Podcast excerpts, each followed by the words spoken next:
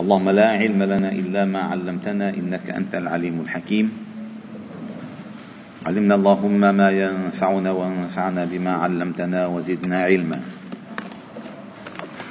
واجعلنا ممن يستمعون القول فيتبعون أحسنه. وادخلنا برحمتك في عبادك الصالحين. اللهم أنزل سكينتك علينا. واشملنا برحمتك وعفوك. واجعل ملائكة قدسك تحفنا. واذكرنا في ملأ عندك. واشرح لنا صدورنا. وأصلح لنا حالنا. واسلل سخيمة صدورنا. واستعملنا فيما يرضيك عنا. واجعل خير أعمالنا أواخرها وخواتمها. واجعل خير أيامنا يوم نلقاك فنسعد برضاك ورؤياك. وارزقنا مجاورة نبيك محمد صلى الله عليه وسلم في الآخرة في روضات جناتك وفي الدنيا مع هديه وسنته وشرعه ودينه. وأعصمنا من الفتن ما ظهر منها وما بطن. وارنا الحق حقا ورزقنا اتباعه وحببنا فيه. وارنا الباطل باطلا ورزقنا اجتنابه وبغضنا فيه.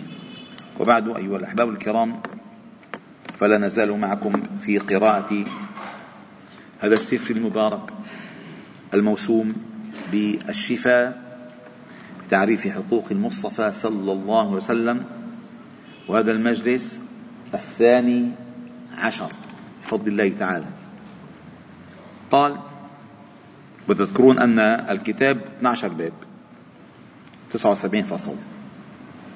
قال المؤلف أبو الفضل القاضي عياض رحمه الله تعالى فصل في نباهة عقله صلى الله عليه وسلم.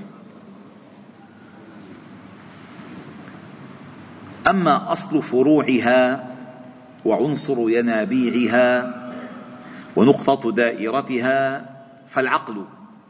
العقل عليه مدار كل شيء. العقل. لأنه هو مناط التكليف. وتلك الأمثال نضربها للناس وما يعقلها إلا العالمون. فالعقل أداة العلم. فإذا فقد العقل فقد العلم. إذا فقد العقل فقد العلم. والعقل هبة من الله تعالى هبة. العقل أيوة هبة من الله. لذلك الله جل جلاله قال إن في ذلك لقسم لذي حجر. الحجر هو العقل. ولكن الله جل جلاله ذكر اسمه ب بآثار استعماله. لأن العقل يحجر صاحبه عما لا ينبغي فعله ولا ينبغي قوله فيحجر. عقل.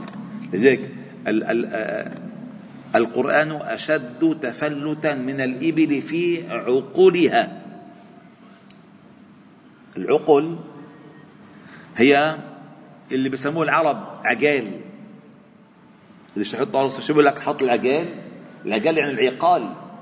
بس عم يغنجوه للقاف أو في لغة, لغة بعض العرب يلفظون القاف بكأنها كأنها جين غين بين الغين والجيم غغ غغ هيك. فالعقال العقال هذا العقال هو الذي يعقل الإبل. كيف يعقلها؟ عندما تبرك على ركبتيها فيجعل هذا العقال إذا الركبة هيك مثلا مطوية هيك يأتي بالعقال بلفه هيك وبشده. من عقدة شد لذلك تعاهدوا هذا القرآن. فيحتاج القرآن تعاهد كما تتعاهد الناقة في عقولها. لأن كل ما كل ما ترختها بترخي العقال فبتفر. لا هو أشد تفلتا من الإبل في عقالها. يعني إذا الإنسان عليه كمان دائما يراجع عقله يشوف الفيوزات صح لأن وقت الإنسان بشت البصر أحيانا يزيغ ويطغى. الله تعالى عندما زكى بصر النبي صلى الله عليه وسلم قال ما زاغ البصر وما طغى. وقت العقل كمان إذا اتبع الهوى أفأنت تكون عليه وكيلا؟ فالعقل مضبوط بالشرع. الذي يضبط العقل الشرع. ما الإنسان لأن أغلب الفلاسفة إنما كفروا بعقولهم. فأله عقولهم أله عقولهم وأله أهواءهم وأفكارهم. النبي صلى الله عليه وسلم قال أو قال عنه في نباهة عقله قال هذا العقل هو نقطة دائرتها فالذي منه ينبعث العلم والمعرفة. فعلا أداة العلم العقل. ويتفرع عن هذا ثقوب الرأي يعني رأيه ثاقب عاقل. وجودة الفطنة والإصابة وصدق الظن والنظر للعواقب ومصالح النفس ومجاهدة الشهوة وحسن السياسة والتدبير واقتناء الفضائل وتجنب الرذائل. وقد أشرنا إلى مكانه منه صلى الله عليه وسلم. وبلوغه منه من ومن العلم الغاية التي لم يبلغها بشر سواه. صلى الله عليه وسلم. وإذ جلالة محله من ذلك وما تفرع منه متحقق عند من تتبع مجاري أحواله واضطراد سيره وطالع جوامع كلمه وحسن شمائله وبدائع سيره وحكم وحكم وحكم حديثه وعلمه بما في التوراة. والإنجيل والكتب المنزلة وحكم الحكماء وسير الأمم الخالية وأيامها وضرب الأمثال وسياسات الأنام وتقرير الشرائع وتأصيل الآداب النفيسة والشيم الحميدة إلى فنون العلوم التي اتخذ أهلها كلامه عليه السلام فيها قدوة وإشاراته حجة كالعبارة العبارة يعني تعبير الرؤية العبارة تعبير الرؤية. كالعبارة والطب والحساب والفرائض والنسب وغير ذلك. مما سنبينه في معجزاته إن شاء الله تعالى دون تعليم في كل المسائل من غير أن يعلمه أحد. الله أكبر. من دون تعليم ولا مدارسة ولا مطالعة كتب كتب من تقدم ولا الجلوس إلى علمائهم بل نبي أمي لم يعرف بشيء من ذلك حتى شرح الله صدره وأبان أمره وعلمه وأقرأه. يعلم ذلك بالمطالعة والبحث من حاله ضرورة وبالبرهان القاطع على نبوته نظرا. فلا نطول بسرد الأقاصيص وأحاد القضايا إذ مجموعها ما لا يأخذه حصر ولا يحيط به حفظ جامع وبحسب عقله كانت معارفه وسلم إلى سائر ما, ما علمه الله تعالى وأطلعه عليه من علم ما كان وما يكون وعجائب قدرته وعظيم, وعظيم ملكوته. قال تعالى وعلمك ما لم تكن تعلم وكان فضل الله عليك عظيما. صلى الله عليه وسلم.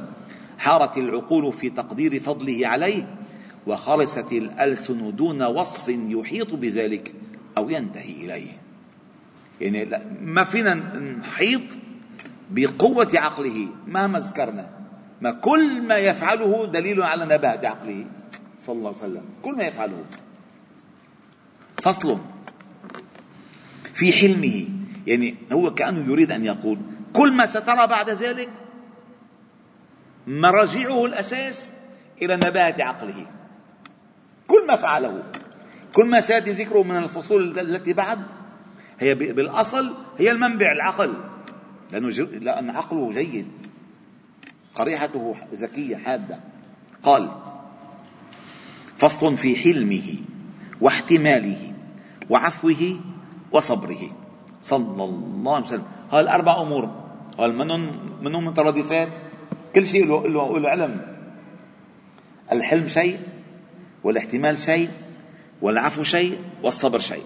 وكلا وكلهم عند رسول الله صلى الله عليه وسلم. قال واما الحلم والاحتمال والعفو مع القدره والصبر على ما يكره وبين هذه الالقاب فرق فان الحلم ما هو الحلم؟ فان الحلم حالة حالة توقر وثبات عند الأسباب المحركات. حليم. هذا استفزه الواحد استفزه حلم. حلم.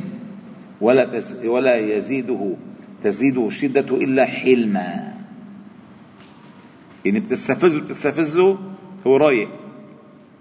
هذا الحلم. غير الاحتمال.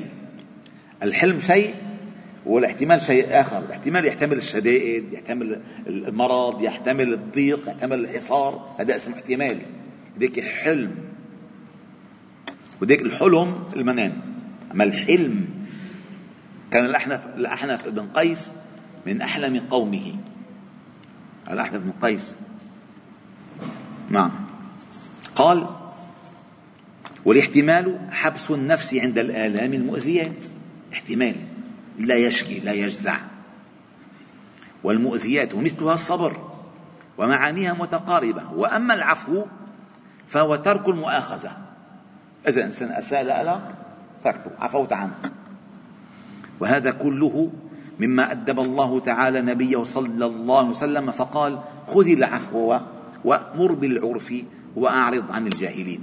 وروي أن النبي صلى الله عليه وسلم لما نزلت عليه هذه الآية سأل جبريل عليه السلام عن تأويلها فقال له حتى أسأل العالم جل جلاله. ثم ذهب فأتاه فقال يا محمد صلى الله عليه وسلم. إن الله هذا اللي حتسمعوه هلا لا يجتمع إلا في عاقل. صدقوني. هالثلاث جمل هلا هلا. لا تس لا يستطيع أن يجمعها إلا عاقل. واللي بيفقد وحدة منها بيكون فقد جزء من عقله.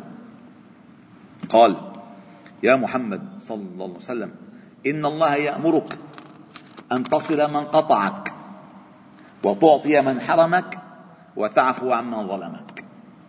ما في أرقى من هيك ما في أرقى من هيك. أبدا. أن تصل من قطعك ما قاطعك السلام عليكم شو أخبارك؟ لا إله إلا الله.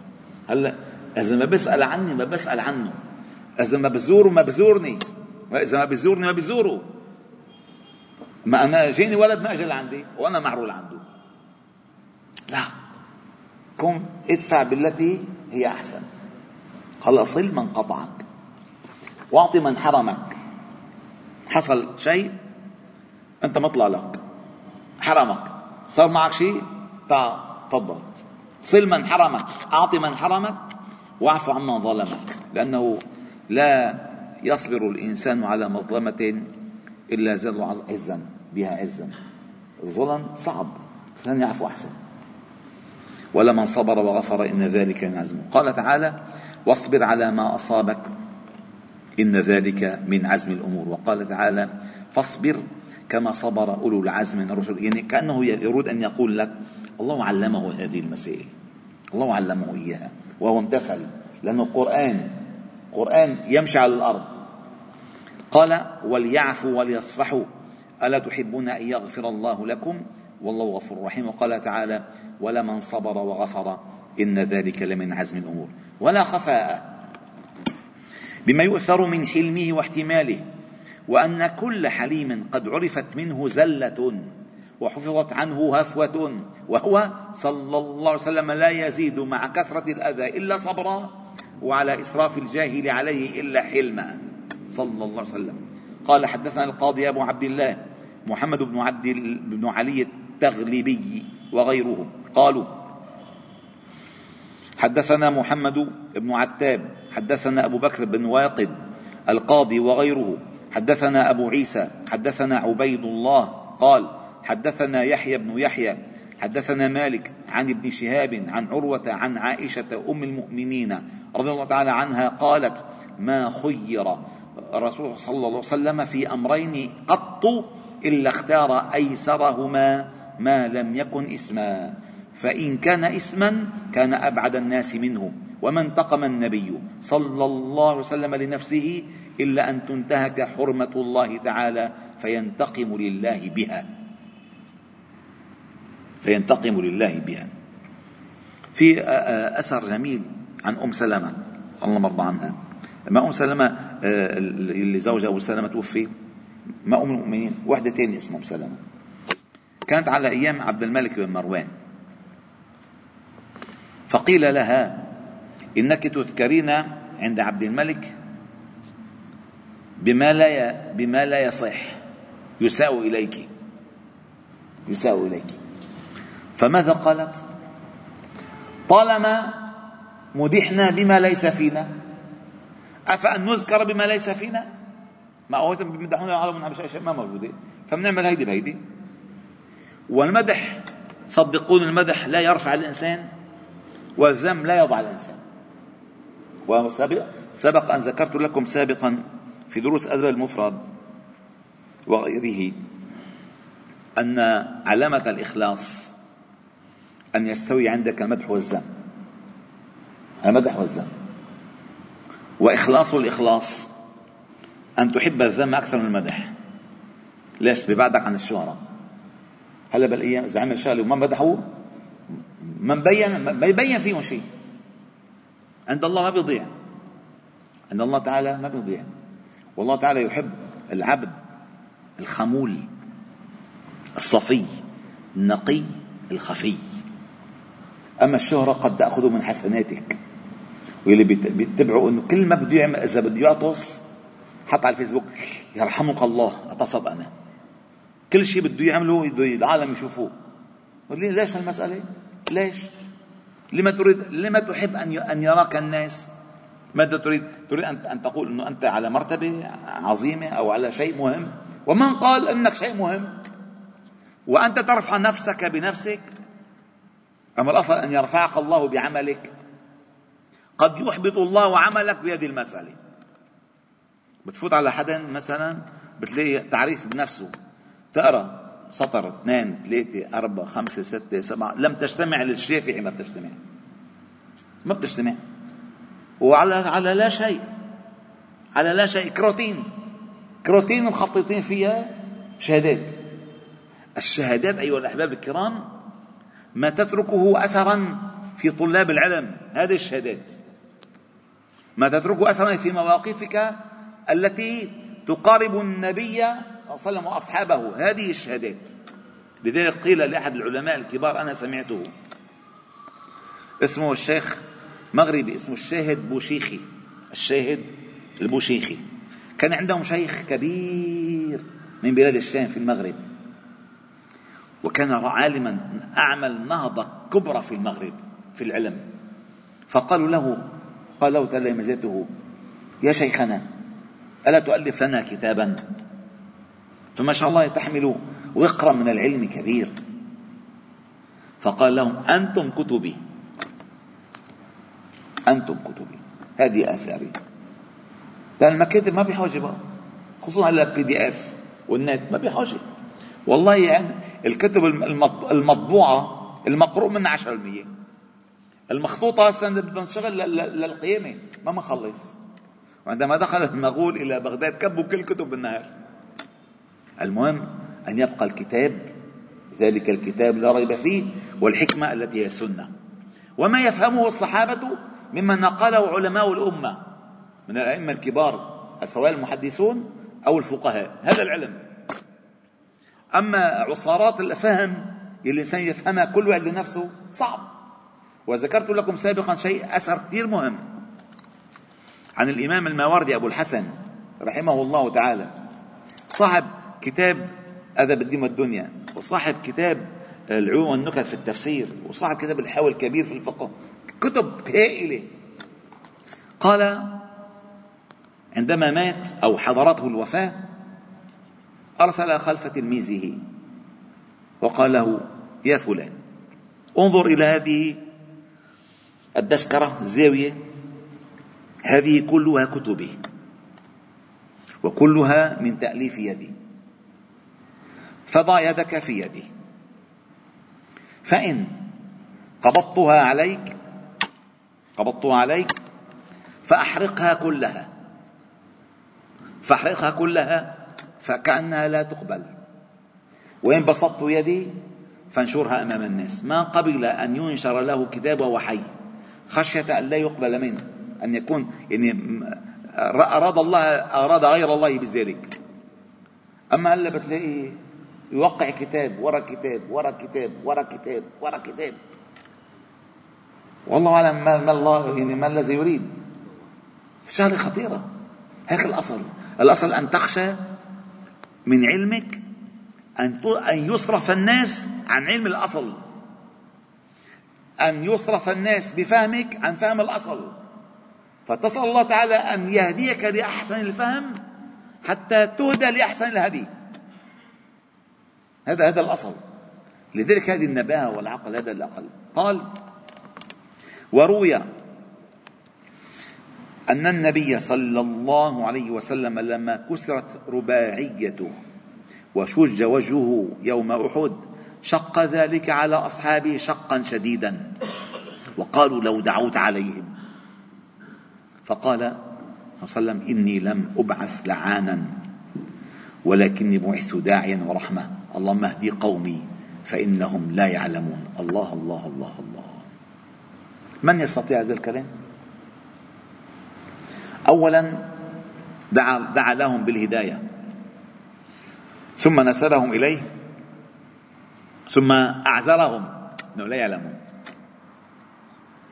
من يستطيع؟ إلا هذا الذي آتاه الله الحكمة والعلم ونباهة العقل.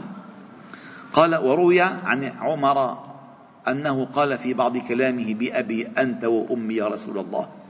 لقد دعا نوح على قومه فقال ربي لا تذر على الأرض من الكفر ديارا ولو دعوت علينا مثلها لهلكنا من عند آخرنا. ولقد وطئ ظهرك وأدمي وجهك وكسرت رباعيتك فأبيت أن تقول إلا خيرا فقلت اللهم اغفر لقومي فإنهم لا يعلمون.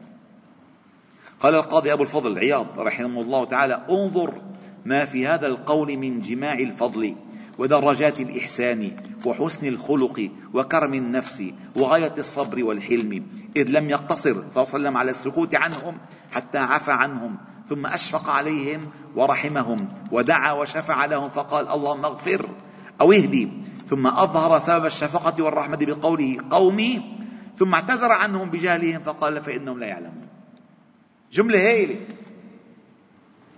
ولما قال له الرجل اعدل فإنها قس فإن هذه قسمة ما أريد بها وجه الله لم يزده في جوابه أن يبين له ما جهله ووعظ, ووعظ نفسه وذكرها بما قال له فقال ويحك فمن يعدل؟ إن لم أعدل. خبت وخسرت إن لم أعدل. ونهى من أراد من أصحابه قتله. ولما تصدى له غورث ابن الحارث ليفتك به لما كان نايم تحت شجرة ومعلق السيف. ما في حدا معه أبدا.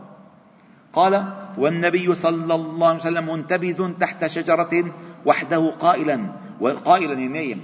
والناس قائلون في غزاة فلم ينتبه النبي صلى الله عليه وسلم إلا وهو قائم. هديك والسيف سلطا في يده. وقال من يمنعك مني؟ السيف على الرقبة. السيف على الرقبة إيه؟ فقال الله. فسقط السيف من يده فأخذه النبي صلى الله عليه وسلم وقال من يمنعك مني؟ الآن. فقال كن خير آخذ. فتركه وعفى عنه. قال أروح. من يستطيع؟ فقال له في رواية ثانية قال أتسلم؟ قال لا. قال لا. ولكن لك علي ألا أكون في قوم يقاتلونك. قال إذهب. قال فجاء إلى قومه وقال جئتكم من عند خير الناس.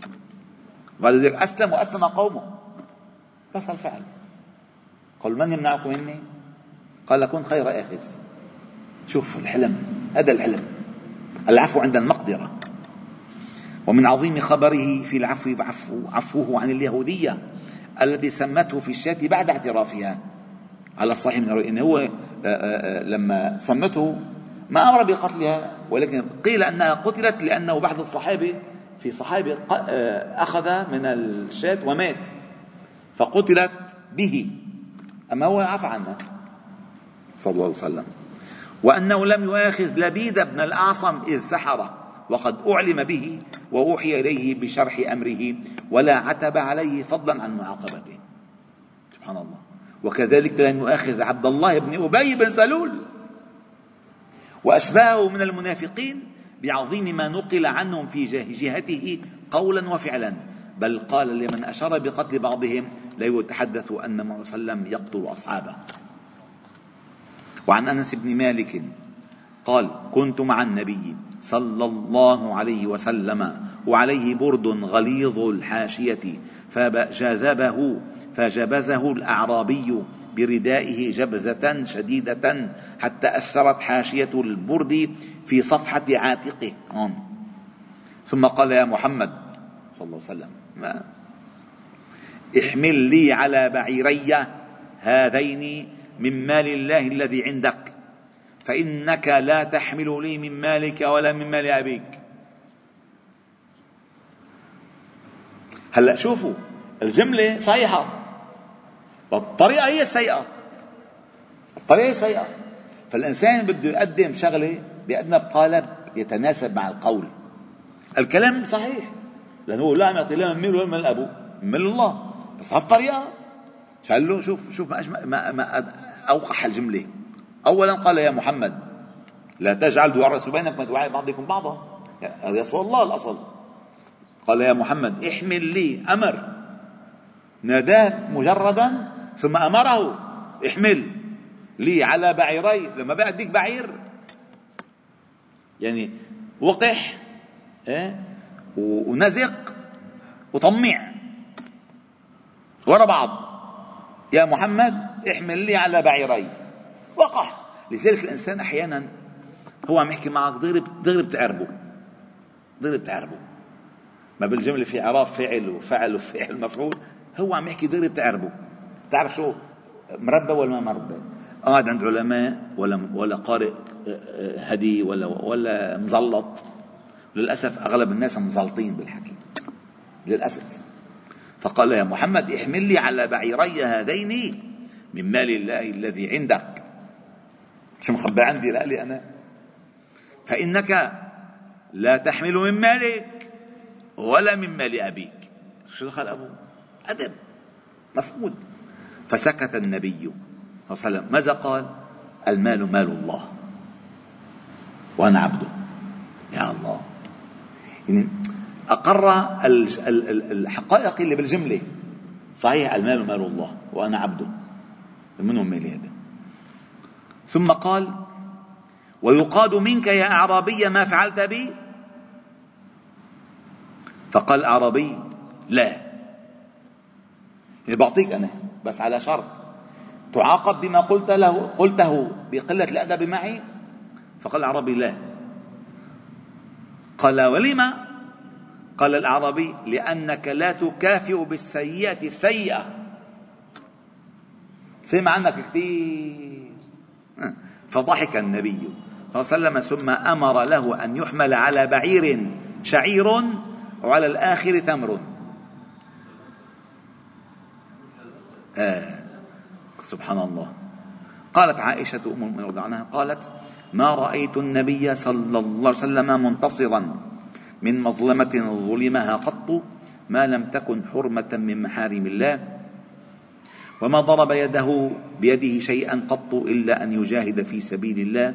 وما ضرب خادما قط ولا امرأة. وجيء إليه برجلين. هذا من نجد كان. فقيل يا رسول الله هذا أراد أن يقتلك. فقال له النبي صلى الله عليه وسلم لن تراعى لن تراعى. ولو أردت ذلك لم تسلط عليه.